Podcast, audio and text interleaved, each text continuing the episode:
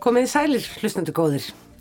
Í upphafi nýs árs er það ekki síst nýjustu bækurna sem vekja áhuga okkar. Síðustu bækur nýliðins árs sem voru jú margar. Bækur sem að þið ágættir hlustendur eru vantilega búinir að vera að lesa undanfærið eða býð ykkar á náttborðinni. Og bókvikunar er einmitt einn af þessum bókum. Bók sem hefur vakið aðtikli og fengið anvar jákvæðar umsagnir og gaggríni og tilnefningu til Íslensku bókmyndavellununa var reyndar líka í öðru sæti íslenskra skáldsagna að vinsældum hjá bóksölum landsins. En þetta er nýjasta skáldsaga Guðrunar Efu Mínervudóttur aðferðir til að lifa af.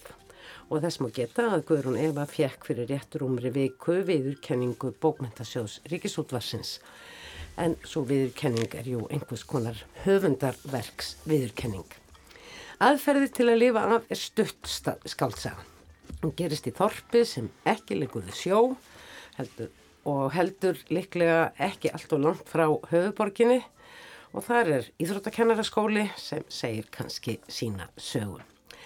Í sögunni er fylst allnáið með handfylli af fólki, engum þó fjórum personum, konu, barni, úlingstúlku og karlmanni, sem lesandin kynnist einu af öðru í þeirra eigin frásögn og bera kaplarnir til skiptis nöfn þeirra hvers fyrir sig eftir því hver segir frá. Fyrst segir frá úlingstúlkan Hanna því næst öðryrkin Árni, þá drengurinn Aron Snær og síðan Borghildur. Þetta fólk þekkist ekki upphafi bókar en fljótlega taka leiðir þess að liggja saman og hafa þau öll áhrif á líf hvers annars með einum eða öðrum hætti. En það er drengurinn Aron Snær sem verður einhvers konar lím í samskiptum þessa hóps um leið og má undirstryka að það koma fleiri personur við sögum. Til að ræða þessa nýjustu afurð rittöfundarins Guðrunar mínir við dóttur eru hjá mér kennararnir Hrund Ólastóttir og Kristján Raffn Guðmundsson. Þú starfa nú kannski ekki lengur sem kennari Hrund. Nei. Orðið langt síðan, tíu ári eða hvað? Nei, nokkur ár. Já, en þú hefur gert það. Uh, en fyrst og fremst eru þið jú bæði mentuð í bókmyndafræði og hafi líka sjálf bæði fengist við skaldskap. Þú hefur skrifað leikrit hrund og Kristján Rapp, þú byrstir, var það ekki bara núna í nýjasta hefti tímarið smáls og menningar Jú. sem byrstist eftir smásaga Já. og svo fegstu mm. nýrækta styrk með stöður íslenskra bókmenta í vor. Jú, passið. Þannig að það er bók á leiðinni. E, vonandi, já. er í meðslu. En ég segi bara velkomin og þótt að þið hafi komið viða við að þá er það skaldsagan aðferðið til að lifa af sem við ætlum að ræða hér og nú. Eigum við kannski að byrja á því að heyra stött brot úr verkinu þar sem Guðrún Eva les uh, upp af þriðjakabla. Þetta er hluti af því sem hún las líka í viðsjá í vikunni. Þannig að við heyrum aðeins í bókinni. Já, endilega. Ég fann fyrir þúsundkallinum í vasanum eins og hann væri lifandi. Fyrst veitt hann mér öryggi en síðan stressaði mig upp. Ég gatt ekki ákveðið hvað ég ætti að kaupa. Kanski nammi á bensinstöðinni. Þetta var í fyrsta sinn sem ég teimti hjól og ég varð undrandi á því hvaða rann léttilega við hliðin á mér. Nema þegar ég fór upp eða niður brekku. Þá þurfti ég að hafa aðeins meira fyrir þessu. Mamma vill ekki að ég tali við ókunnuga. Hún heldur að þeir hafi áhuga á enga stöðunum á mér en það er miskilingur. Ég hef þannig áhrif á fólk að það verður áhuga löst og því leiðist. Þegar ég var lítill var ég alltaf að reyna að láta öllum líka vel við mig en nú orðið skiptir það mig engu máli. Í fyrra komu strákarnir stundum í heimsók vegna þess að mamma bannaði mér aldrei að vera í tölfunni en síðan hætti ég að bjóða þeim. Ég vildi ekki þurfa að skiptast á við á. Ég vildi ekki að þeir kláruð alla mjölkina og ég vildi ekki að þeir sæju að mamma var einlega alltaf upp í rúmi. Hallur á bensinstöðinni var úti að spúla planið. Hann rakk upp stóraugu þegar hann sá mig. Var pappiðin loksins að gefa þér hjól, sagðan. Þetta er hjólið hans árna, svaraði ég. Hvaða árna, spurði Hallur og rukkaði ennið. Árna sem er nýfluttur við hliðina og sólbjörtu og þeim. Hann borgaði mér fyrir að fylla dekkin af lofti. Hann sagði að þú myndir kenna mér á dæluna. Borgaði þér, saði Hallur. Hvað mikið? Þúsund kall. Ok, saði Hallur og veifaði vísifingri strángur á sveip. Segðu hann um að ég fylgist með honum. Vilt að ég segi það við hann? spurði ég. Að sjálfsögðu. Heyrðu, veistu hvað þúsund kall er í flertölu? Einn þúsund kall margir. Ég hugsaði mig um og svaraði síðan þúsund kallar. Nei, saði Hallur, þið sundkallar. Ha ha ha. Já, þetta er kannski svolítið dæmi gert brot að mér finnst að því leiti það er Aron Snæður hinn 11 ára sem að þarna segi frá hvað í rauninni í svona stöttum texta er koma fram mikið af upplýsingum. Við fáum að vita í rauninni svo margt um heimilislíf eh, Aron Snæs, um það að líklega er átni eins og reyndar er svo sem sagt berum orðum ný, ný fluttur þarna á svæðið og uh, já, við veitum svo sem ekki hérna hvað er með þannan pappa en allavega hefur hann ekki gefið drengnum sínum hjól. Og mér finnst uh, því að þetta er svo stött saga en samt er þetta alveg heilu lífin. Er þið sammála þessu með í sambandi við textan sjálfan hvernig henni textað? Já, ég, ég er alveg sammála þessu. Það er mikið sko, lagt upp úr einmitt að, að hlaða svolítið á bakvið mm. personundar af því að þetta eru þetta uh, karakterdrifin saga sko. þetta, þetta byggist bara fyrst og fremst upp á því að, að lesandin tengi við personunnar þó á ekki lengri tíma en einhverjum 160 blaðsíðum mm. og verið að dreifa fókusnum að þetta eru þetta vand með farið form uh, þetta sko svona hópsaga svona saga það sem er ekki verið að treysta á einhver drivkraft, einhver sögurþráð sem að svona leiði. Já, já, þannig að þannig að þá skiptir vantarlega alveg talsvært miklu máli að að personurnar séu uh, einmitt með svolítið að bakvísir vikt og, mm. og, og hérna og þetta er einmitt ég er samanlega því að Guðrún Eva gerir þetta alveg feikilega vel. Og maður áttast ekki á þessu endilega strax sko. Nei, ekki fyrir en kannski þegar maður fyrir að pæla í bókinni bara þegar maður er búin að lesa sko bara já veist, maður veit mm. ansi mikið á ekki, ekki lengri mm. eftir ekki lengri lestur sko. Já, mér fannst þetta sko mjög gaman að sjá þegar ég byrjaði að glukka hana aftur eftir fyrsta lestur að, að maður í rauninni sko eftir því sem á leið þá sá ég auðvitað þetta er um þetta það verði að venda þennan dreng það er svona mm. eina svona alvöru svona spennur auðalínan texta um það eða ekki mm. og síðan síðan emitt fer ég að lesa aftur og svo les maður aftur eitthvað kabla eða eitthvað efnisgrein og þetta er svo allt með, með merkingu og allt með dýft finnst mér mm. Hvernig fannst ykkur þetta uh, svona ganga upp þessi frásagnar máti að, að uh, það er svolítið eins og, eins og smásögur til að byrja með að láta personuna svona segja frá sjálfum sér og þetta er náttúrulega gegnum gangandi gegnum alla, alla bókina mm -hmm. kablarnir eru hafa þessar yfirskriftir og uh, stundum hefur eitthvað gerst hjá borgildi segjum sem að átni síðan veit ekki um þegar að, uh, þegar að uh, hann hittir hann og segir frá þeim fundi mm -hmm. en við veitum það mm -hmm. og, og þetta er fannst ykkur þetta ganga, ganga yfirleitt, yfirleitt upp eða fannst ykkur vera tvítekningar eða e, eitthvað þínlíkt hann var alltaf pláss fyrir tvítekningar Nei, það er ekkert pláss. er ekkert pláss fyrir tvítekningar en, mm. og það er ekki þannig. En það er, við fáum að sjá kannski sama atbyrðin tviðsarsunum eða þrísvar og horfum utanfrá á eina af þessum aðalpersonum með augum kannski tveggja hinna. Mm. Og á, í sikkert skiptið eða sama skiptið og sagt frá því á, á hérna í sikkurum kaplarum eða, eða sögunni smásögunni sem að mm. þetta er náttúrulega öðrum þræði til að byrja með eins og ef að Guðrun hefur að segja sjálfu viðtölunum. En, en hins vegar þá er þetta, þetta mér finnst þetta svona einn af kostum bókarinnar að, að við fáum að rannsaka innanfrá og utanfrá. Já, við fáum þetta fólk alltaf að dansa í kringum allan hringin kringum personum og við fáum að vera þessi venjulegi, þessi venjulegi borgar, þetta venjulegi, þessi venjulegi þorsbúi eða ferðamaður sem horfir á um, fólki sem kemur og fær sér hambúrgara og, og, og hérna er, við erum alltaf að pæli á hvernig ætla ég með þetta par þarna, akkur ætla þau séu svona svipin og mér finnst þetta alls svo skemmtilegt. mm.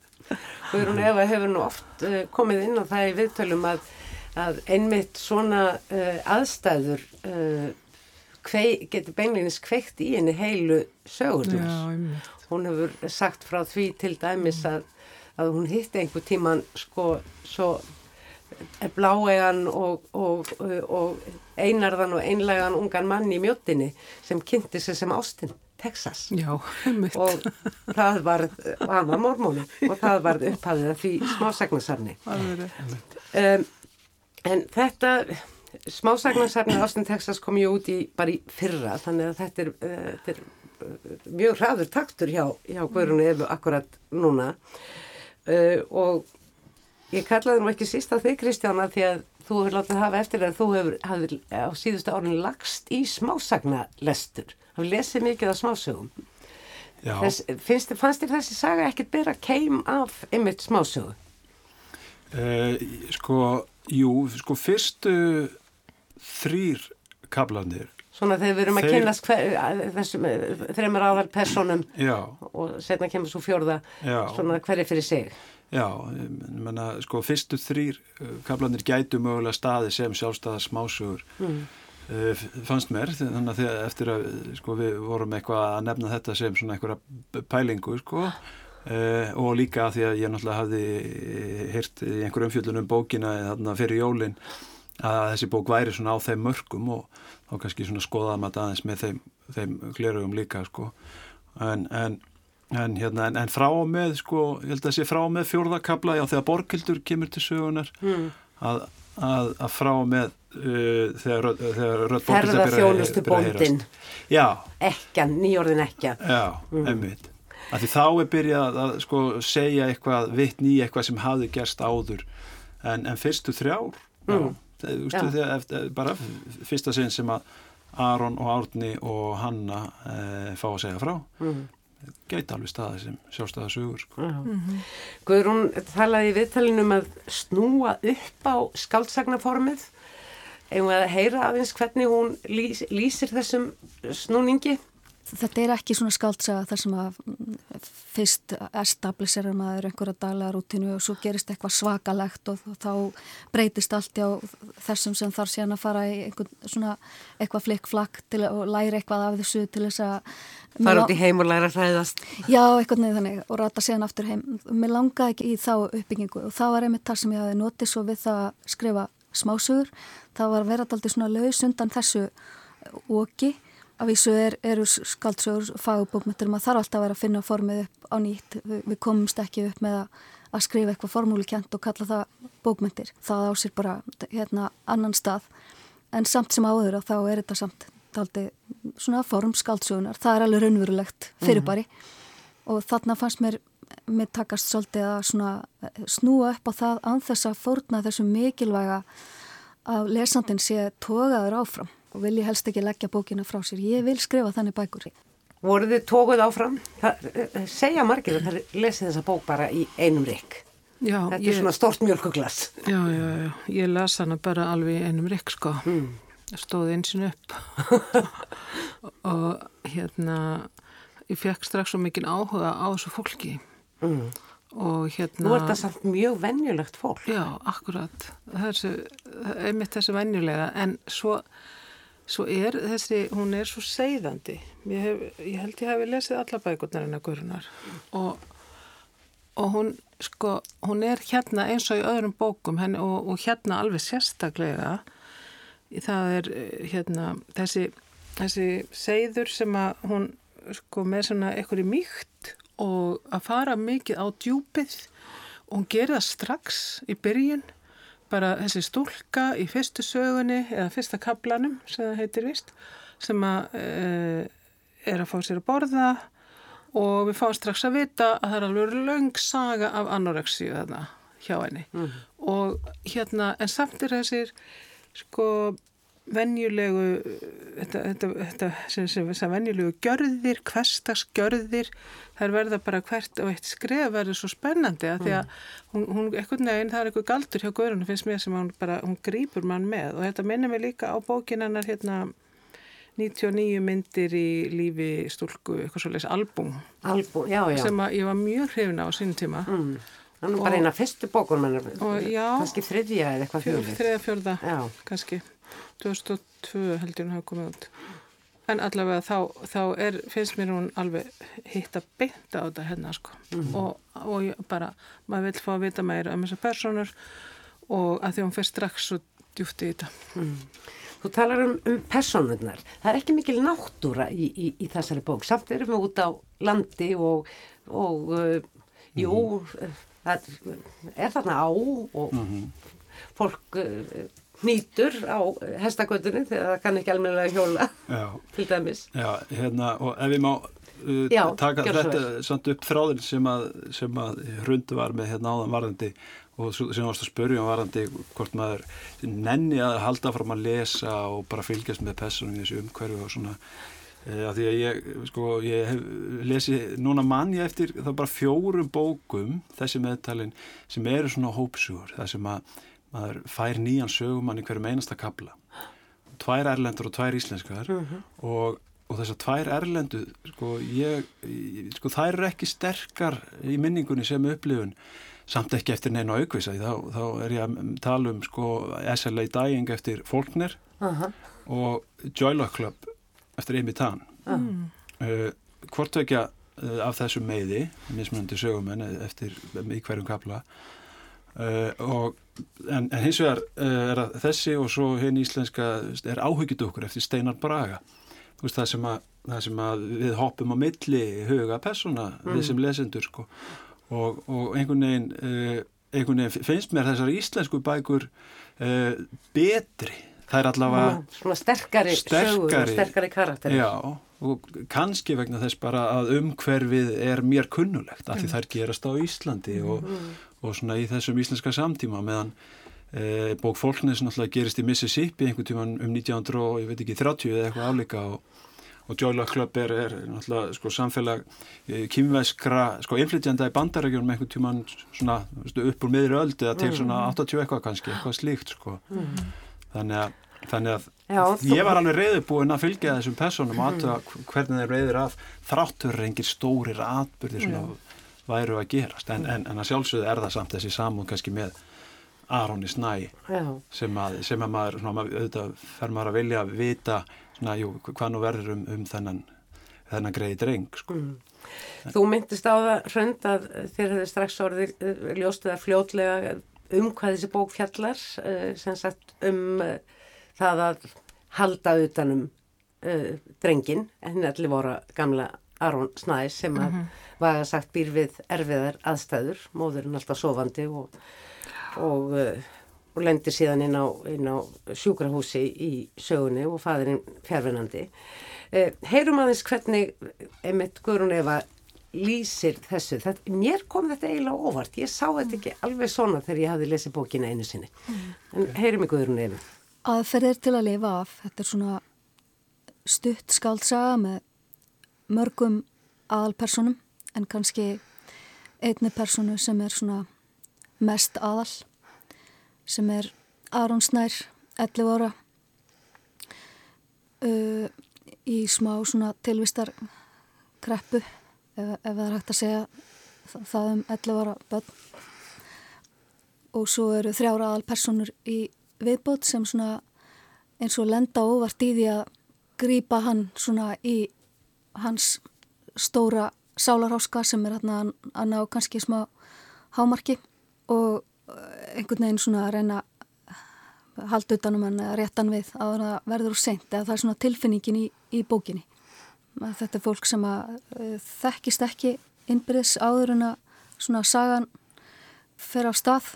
Það er svona svolítið eins og tilviljunin hafi stilt um hann upp til þess að vera einhvers konar svona mósæk andlega hjálparsveit. í, í einhvers konar hjálparkerfi. Já, og það svona liggur í loftinu þetta með að þurfi þorp til þess að alveg En allt þetta fólk er að leita leiða til þess að lifa að. Já, það er einhvern veginn svo stór partur af tilvistinni. Að það er einhvern veginn að finna aðferðir til að lifa af bara alls konar hverstars áföll. Og það er bara þannig að þú fólk byrjaði ekki endilega utan á sér þá sleppur enginn alveg við áföll og sorgir og, og hérna og það hefur allt djúb áhrif á okkur og við þurfum alltaf einhvern veginn að stíga ölduna. Já, það eru nefnilega kannski fleiri í sálaráska heldur en bara Aron Snær Já. og mér var eiginlega aldrei svona starfsýnt á á ymsar á svona sorg og og, og já, áföll annara persóna, minnst saga átna til dæmis alveg gríðarlega áhugaverð mm -hmm. hann uh, var á, greinilega sko mjög, uh, var mjög flinkur í sínu starfi sem einhvers konar tölvumadur og, mm -hmm. og vefsíðu hönnuður og eitthvað því einlíkt, hann hefur góðan humor en hann er greinilega ekki sérlega svona aðlegandi í útliti svona, honum og Aronni Snæð þeim er báðum svona svolítið líst átni er höfuðstór og, og svona uh, þungur svolítið á sér og hjassalegur hefur maður tilfinningunni en konunum er ekki líst Nefna annur er úling, grannur, allt og grannur úlingur sem að Já en það fáum við eiginlega bara svona af, af því hvað hún já, er hvað hún uh, segir lýsingunni já, já. Henni, já.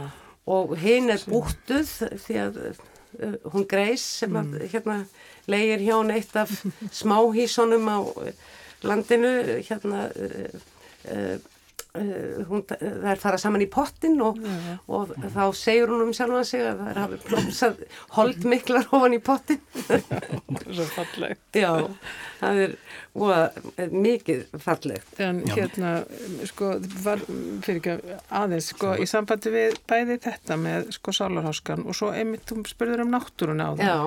og við hefum ekki gleymað því að, að tala um það vegna þess að að mér finnst vera mikið af náttúru af því að hún er allt um vefjandi og það Já. tengist náttúrulega sálar ángist átna, finnst Já. mér að hann sko hann fer út í sveit til þess að slaka á til þess að breyta lífsáttum sínum Kaup sér hund hund til að fara að lappa út í náttúrunni og eitthvað neginn að róa sér niður mm. úr borgaristnum og úr sínu lífi sem að var og svo fravegis og, og mér finnst þessi náttúra þó að sé ekki alltaf verið að tala um hana þá er hún svona allt umvefjandi hún er já. allt um kring og það er kyrðin það eru mikið þarna á skóarstíknum og, og þar gerist ímislegt sem er komið kannski nánar að síðar. Einmitt. Og síðan, síðan fer hann þarna á, á hestbak eða svo er leggst á hestbak Það var alveg ótrúlega sena. sena og, og líka þegar drengurinn hjólar í spretti á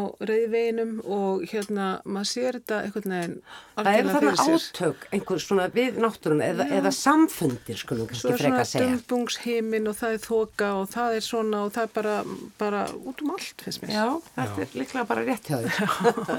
Já, ég teki Aron svo mikið við náttúruna sko Uh, bara nafnið Aron það, það þýðir vist, uh, þýðir vist uh, fjall okay. og, og getur þýtt hátt fjall mm. og á fyrstu síðu bókarinnar þá er einmitt svona þessi vangavelta hjá hönnu.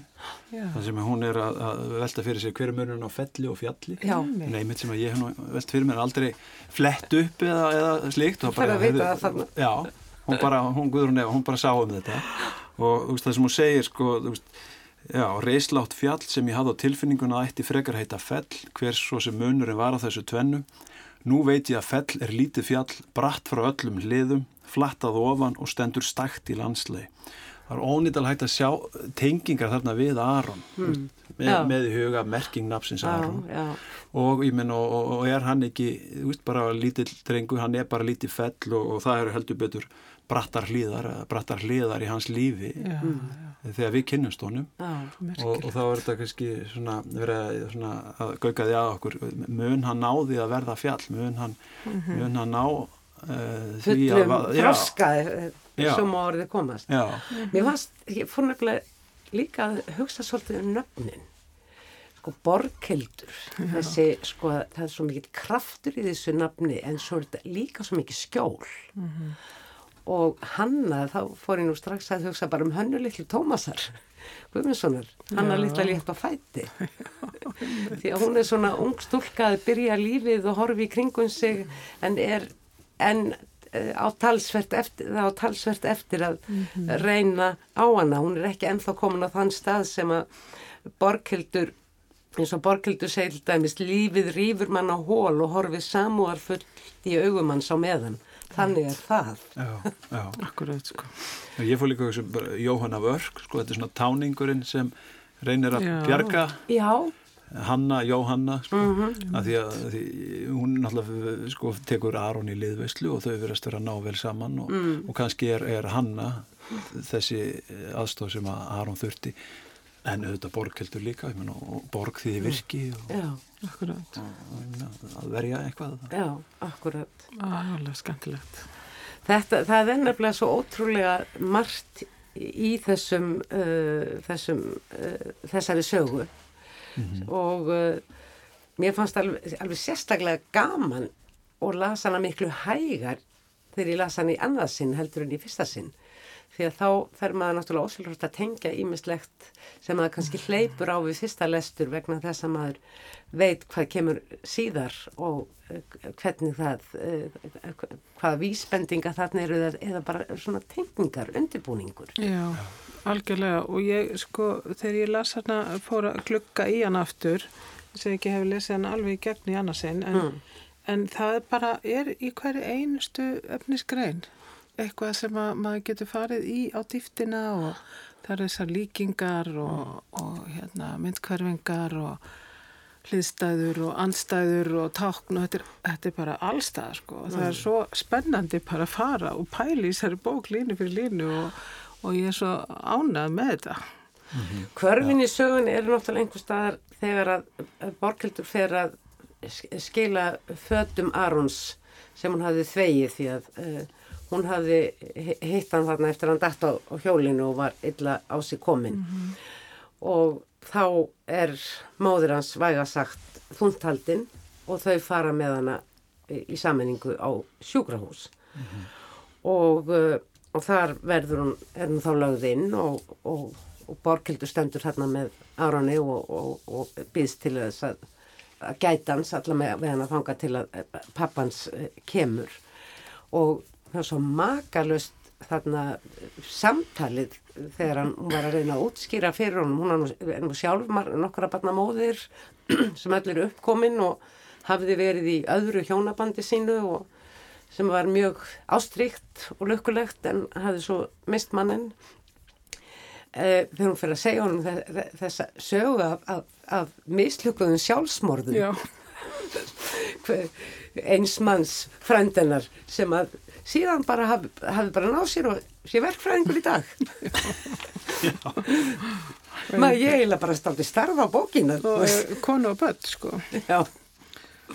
Já, já, já og, og, og Aron eh, líka veist, og það, sko þessi saga það sem að Aron segist hafa verið í jarðarför það sem að það sem að kona dóa því maðurinn hennar sem var svo stór og þungur mann ekki datt ofan á hana og hún kapnaði já. og hann var svo miður sína hann fram til sjálfsmörg þetta var tvöföld jarðarför sem hann fór í með ömmu sinni ömmu sem var með súröfniskút og, og hækki með gangugrind þannig að veist, þessi saga þú þráttur um virki kannski fyrst sem svona svolítið harmræm þetta er hann er lítill strákur og við erum ekki ennþá búin að nefna það reyndar. Og hann, hann er hérna, stimplaður sagaður um að hafa já. beitt litla frængu sína kynferðisofbildi Hann er allir ári í sögunni, já, já. þremur árum áður á hann að hafa beitt frængu sína kynferðisofbildi Og er stimplaður þannig af fólkinu í Stimplaður, það er svona, svona talk of the town sko, það er bensinkall sem að kvíslar þessu að, að árna. Mm. Vist, þessi strákur gerir þetta. Þannig að, þannig að Eh, þannig að þessi saga, sko, ef maður lesa hana bara fyrst, sko, þá kannski upplifum maður að þetta er, það er mikil harmur hann, byllandi harmur og sorg og svona. En, en ég Svo held til dæmis koma svona makaber sko brandarasögur að já, segja má. Já, og, og svo verður þetta svona grótist og, og ég held að maður eigi ekkert óttast að, að segja að maður sé að reyna að kæfta frá eða óvart að kæfta Nei. frá því. Guðrún Eva hefur nú sjálf sagt að, að það sé ekkert hægt að uppljóstra neinu að það er ekkert plott og svoleiðis en, en, en svo nefnilega verður þetta kannski svolítið grótest og svolítið svona pínu bara út í eitthvað absúrt sko. þannig ég held til dæmis ef, að, ef að það er því gerð bíómyndu upp úr þessu bók þá er það svört komedi sko. Ef maður myndi bara lesa bara lesa handritið að Pulp Fiction en aldrei séð myndina þá verðist það vera virkilega bara ljót glæbónamynd en, en, en Pulp Fiction er rauninni kólsvört komedi og, og ég held að þessi bók á kvítatjaldinu Já, hún er því væntalega markasett á þann hátt. Af því það er svona leynist inn á mitti Já. þetta. Og svo er svona, svo snýr hún aldrei vel upp á söguna svona eh, þegar kannski tveir, þriði hlutar eru búinir aðinni að uh, þá er, þá uppkvæmtast allt í hennu sko vettvangur glæps, lík eða allavega hlutarlíki. Mér finnst það alveg magnað sko og ég sko fyrst þá var ég rak mig í rógastans byrju hvað er þetta hvað, hvað, Hvaða vittlis er þetta? Nei, ekki hvað vill heldur Ok. okay. byrju hvað er hún að gera hérna þetta er svo ótrúlega grótest sko en Mm. hins vegar þá, þá finnst mér sko þegar allt kemur til alls að þá er þetta er þetta allt á sömu línu. Það er bara gróteska og harmræna í hverstasleikanum og það litla finna og svo er þetta líka í stóra heiminu eins og hún segir sjálf í hérna viðtalinu hún Guðrún um, að, um heiminn Já, að, að hérna þetta sé til marksum, maksum að við erum í tengslum við heiminn, Já. stóra heiminn, ljóta já, heiminn. Og svo er það þarna ilskan og grimdin og hún er svo sannarlega þarna. Það er nefnilega talsvert ofbeldi í þessari Það er bók. mjög mikið ofbeldi og ofbeldið sko er náttúrulega, þetta er algjörlega markvist eins og hún sagði sko, hún Guðrún hann í viðtalinu, hún segir til dæmis hérna, hún segir hverstasleikin er meiri átök eitthvað svo leiðis en við höldum en svo segir hún líka hérna e, við erum öll tilbúin einhvern veginn að fá samvinskupið hvað gerðum við þegar við erum góð sko? Eins og hann hérna Árni, hann fyrir þetta karlæga samvinskupið eins og hann kallar það. Og, og hérna, mér finnst hún vera að gera þetta alveg á snildalegan hátt að, að tengja þetta tvent saman. Litlu kvestas hlutina sem er ekki kvestaslegir, að þau eru hræðilega erfiðir og alls konar og náttúrulega stóri harmurinn í þessari bók er ekki þessi, þetta lík af konu sem er myrt og hlutu í sundur. Þetta er náttúrulega þarna aflimun og, og það má alveg bara skrifa heila grein um það hvað Guðrún er að gera með þetta því. Er sko náttúrulega tákgræn mynd. rosalega takkræn mynd um, um hérna konu sem er aflimuð af, við getum sagt, kallveldiru eða eitthvað annað. En allavega það er Eða bara harmur ljótakallinu sem einu sinni var gestur þarna hjá uh, Já, það Borgildi. gæti hugsanlega verið sko, maður veit það ekki. En, en, En- en það skiptir það ekki máli, það er ekki þetta plott, Nei, þetta mál, er en- bara, er morðingin er tekin fastur og hann, er komið bak við lás og slá og, og, allt í lagi með það sko. og, en og það er kvartettin okkar getur verið rólegur. og þessi börn lenda í þessari reynslu og eitthvað svona eitthvað svona annað og stærra en málið er að hann litli Aron Snær það er harmurinn. Það er svo sorglegt hvað hann er vanræktur af því að það er til fullt af svona vanræktum börnum Mm. út um allt. Og sem kennari þá bara veit ég þetta. Og miklu verður en þetta. Þetta er bara svakaleg mynd sem hún er að bregða upp af Mm. Ylsku og grimdgafkvæmt börnum annars vegar. Og hins vegar þessari samkend og mennsku sem við þurfum að hafa til þess að vinna móti þessari ylsku. Hvað segir, segir Borgildur við, við hérna eh, Aron Snæð þegar að, þarna eftir að pappans kemur og get bara ómögulega uh, hugsaðum drengin sinn að því hann vona á öðrum. Já, pappiðin er góður maður en hann er óttalegu klaufaborður. Eitthvað því um líkt, ég man það ekki alveg. Einmitt. Mm. Já, og þetta með að sko, sundurlimun og þetta sem að ég fannst svolítið undarlegt veist, þegar þetta kom með þetta lík og þetta.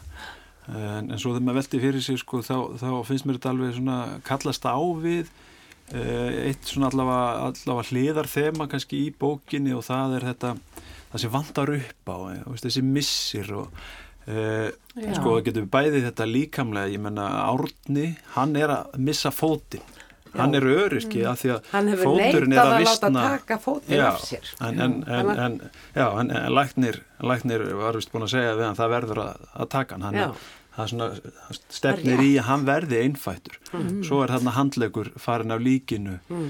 Borgildur búin að missa mannin Borgildur búin að missa mannin hann, hann vantar svona mannin það er söknuðurinn. Hann á ekkit heimili Já. hann á ekkit heimil og hann líka, ef við tengjum þetta, lí, þetta líkamlega, hún er, hún er að missa hárið í byrjum bókar út af, út af listarstólinu eða, eða hérna, átröskunninni sko. mm. uh, Aron minna, hans missir þetta bara skortur á ást og umhyggju og aðtegli aðtegli, já Mm. Svo, átakanlega þessi sko, ég er unni þessi lýsing þarna sem við heyrðum að hann sé hættur að bjóða vinnu sínum heim svo að hann vildi ekki að þeir myndi klára mjölkina, hann vill ekki hérna, skiptast á við hann vill ekki að, að, að þeir sjá mömmu sína alltaf við já. Já. Já. þetta er svo þetta, þú fær svo ofbúrslega greina góða mynd af aðstæðunum ofsalega og svo þóttarhúðuna sko mm.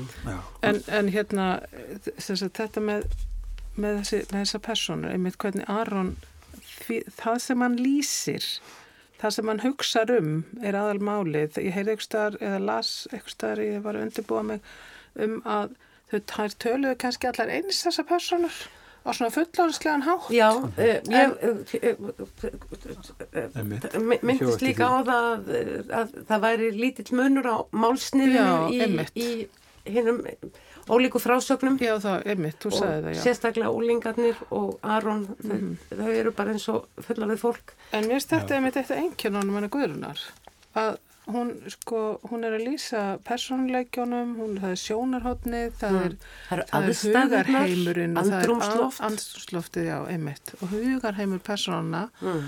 og þetta eru þróskaði krakkar vegna erfileika og það er alveg fullt af börnum sem þannig er mm. en en já.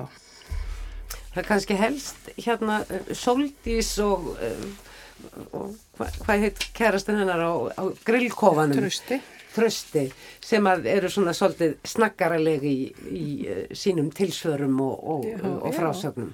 Já, já, og ég, sko, ef maður á að nýta í eitthvað, sko, ég nöytið um þetta varðandi, ég varðandi þetta orðfæri, 11 ára drengur, hann, hann segir meðal annars, Frelsið í lungonum var víðóttu meira en ég sjálfur. Fingurnir hennar, fingurnir hennar nuttuð á mér hársvörðin af ópersonlegri færni. Mundi, mundi drengur þessum aldrei orða hlutina svona og tala um hársvörð og ópersonlega færni og, og svo líka gróðurinn nötraði og bældist undan ágangi vass veðursins. Ég set spurningamerki við uh, málnótkun uh, svona, mm -hmm. svona drengs.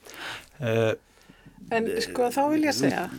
svo er reyndar við, sko, þá, svo reyndar kemur hérna sent í sögunni þá er verið að segja að, að hann, hann sé mjög skýr og þráttur að við upplifum, upplifum hann kannski sem einhvern kjána kann ekki að hjóla 11 ára og allt svoleiðis. Já og líka en, svona svolítið sko um, ekkert kannski voðalega svona sympatist bann Nei, nefnilega ekki Nefnilega ekki þannig. En sko Mér langar að segja, sko, mér finnst þetta að vera eitt af e, hérna, því sem að gerir bókina því sem hún er, að það er það sem þau sjá, það sem þau hugsa, ekki beinleins það sem þau segja, sem sýnir okkur hvernig personur þetta eru, en þegar hann talar, þá segir hann ekkit margt Nei. og segir yfirlega bara ekki neitt. Hann, Aron getur ekki samþýtt það Kristján? það er öðrum Jú, en, en, en þetta sem að ég var að nefna sem dæmi, já, þetta eru hugsanir hans en mm. ég veit ekki já. að eigum að lefunum að komast upp með hástemdar og orðalag í formi hugsana það er spurning þá það er þessi nálagi sko í rauninni sögu höfundur sem að er að koma þessu fólki saman mm. þetta er kannski að vissuleiti einhvers konar frásagnateknilegt atriði mm -hmm. það er nefnilega þarna einhver alvitur sögumæður yfir öllu, jafnvel þótt að uh, personuna segi frá í fyrstu personu, þá er það uh, já, hinn alvitur sögumæður sem að sem að stýrir og uh, leggur þeim í raun um, orðar hugsanir þeirra að segja má mm. uh, með þetta svona ljóðrænum hætti eins og þú varst að gefa okkur dæmi um mm -hmm. Og uh, Ég geti trú að þetta stuði einhver að lesa þetta, stuðaði mig. Mm. en, en þetta er ekki, um, ekki stórgleipur sko. Nei, en maður, maður, alveg, maður pælir í þessu. Hvað, pýtu, akkur hefur hann þetta svona? Mm -hmm. er hann að tala, er hann að hugsa eða hvað er þetta sögumæðurinn eða hvað er þetta? Einmitt, mm. svo er alveg einmitt, það getur alveg verið einmitt að hverjum nefa eh, sé með einhverja pælingu á bakvita, þetta. Sé algjörlega viljandi í gerð sem að maður þá kannski Ég, Já, ég, ég, ég er bara búin að lesa bókin einu sinni, ég kannski kemi staði ef ég renni mér gegnum hann aftur sko. Já, þú greinlega lesa hennar vel samt. Heyrðu, við erum að svolítið að renna út á tíma uh, sko, erendið uh, í bókinni tilgangurinn uh, var að bjarga Aronisnæ um, tekst það? Hvernig, hvernig finnst ykkur henni takast að loka þessu Já. segjum við bara bless við þorpið og ég veit ekki, menn þetta er meina, og bara þetta ekki aukur menn þetta er opin endir, ég menna það er spurning hvort hann uh, þetta fell verði, verði hátt fjall. Uh, sko Já, ég, er... kannski fæ ég minna og líka forsiðu myndin sko, ég, að því vorum að tala um minna, það er svolítið þó að þessi tilflugfiskar þá, þá samt, finnst okkar það kannski svona pínu abnormal sko er, er Aron líka þessi fiskur sem er svolítið fiskur án reyðhjóls, fiskur sem kann ekki á reyðhjól en fær vangi og mun fljúa af henni ofullkomnu konu uh, konu ja. sem hennum ofullkomnu samfélagstegn mm -hmm. mm. sko, mér finnst bókin sko, ég hugsaði þegar, þegar, hún, þegar hún endaði þarna með, með hérna, grátnum í hálsunum á henni hönnu að þá bara fannst mér þetta bara ekki gott. Að væri, bókin væri búin, ég vildi vita meira. En svo Já. er það þannig að við erum búin að sjá að þau eru þarna öll saman í eldhúsinu hjá hann um átna og er það ekki fallet og gott? Jú, það er fallet og gott En og hér... búið að ná í morðingin. Já, ég hefði mitt vilja hafa sögun aðeins lengri sem að hefði komist aðeins nær personun og ég, ég man ekki hvort ég oft sagt þetta að vilja hafa bók lengri. Við erum aðeins nær öllum einu sinni Já. og lengur, Já. aðeins lengur. Já. En hér verðum við víst að láta staðar numið uh, og hérna ég vil þakka ykkur Hrund Ólastóttir og Kristján Hrafn Gummundsson hjartanlega fyrir þáttökun og áhugaverða sín á þetta verk aðferður til að lifa af eftir Guðrun Efu mínurudóttur. Ykkur hlustandur góðir þakka ég hlustununa, tæknum aður í þessum þætti var Ólfildur Eistensdóttir, verði sæl.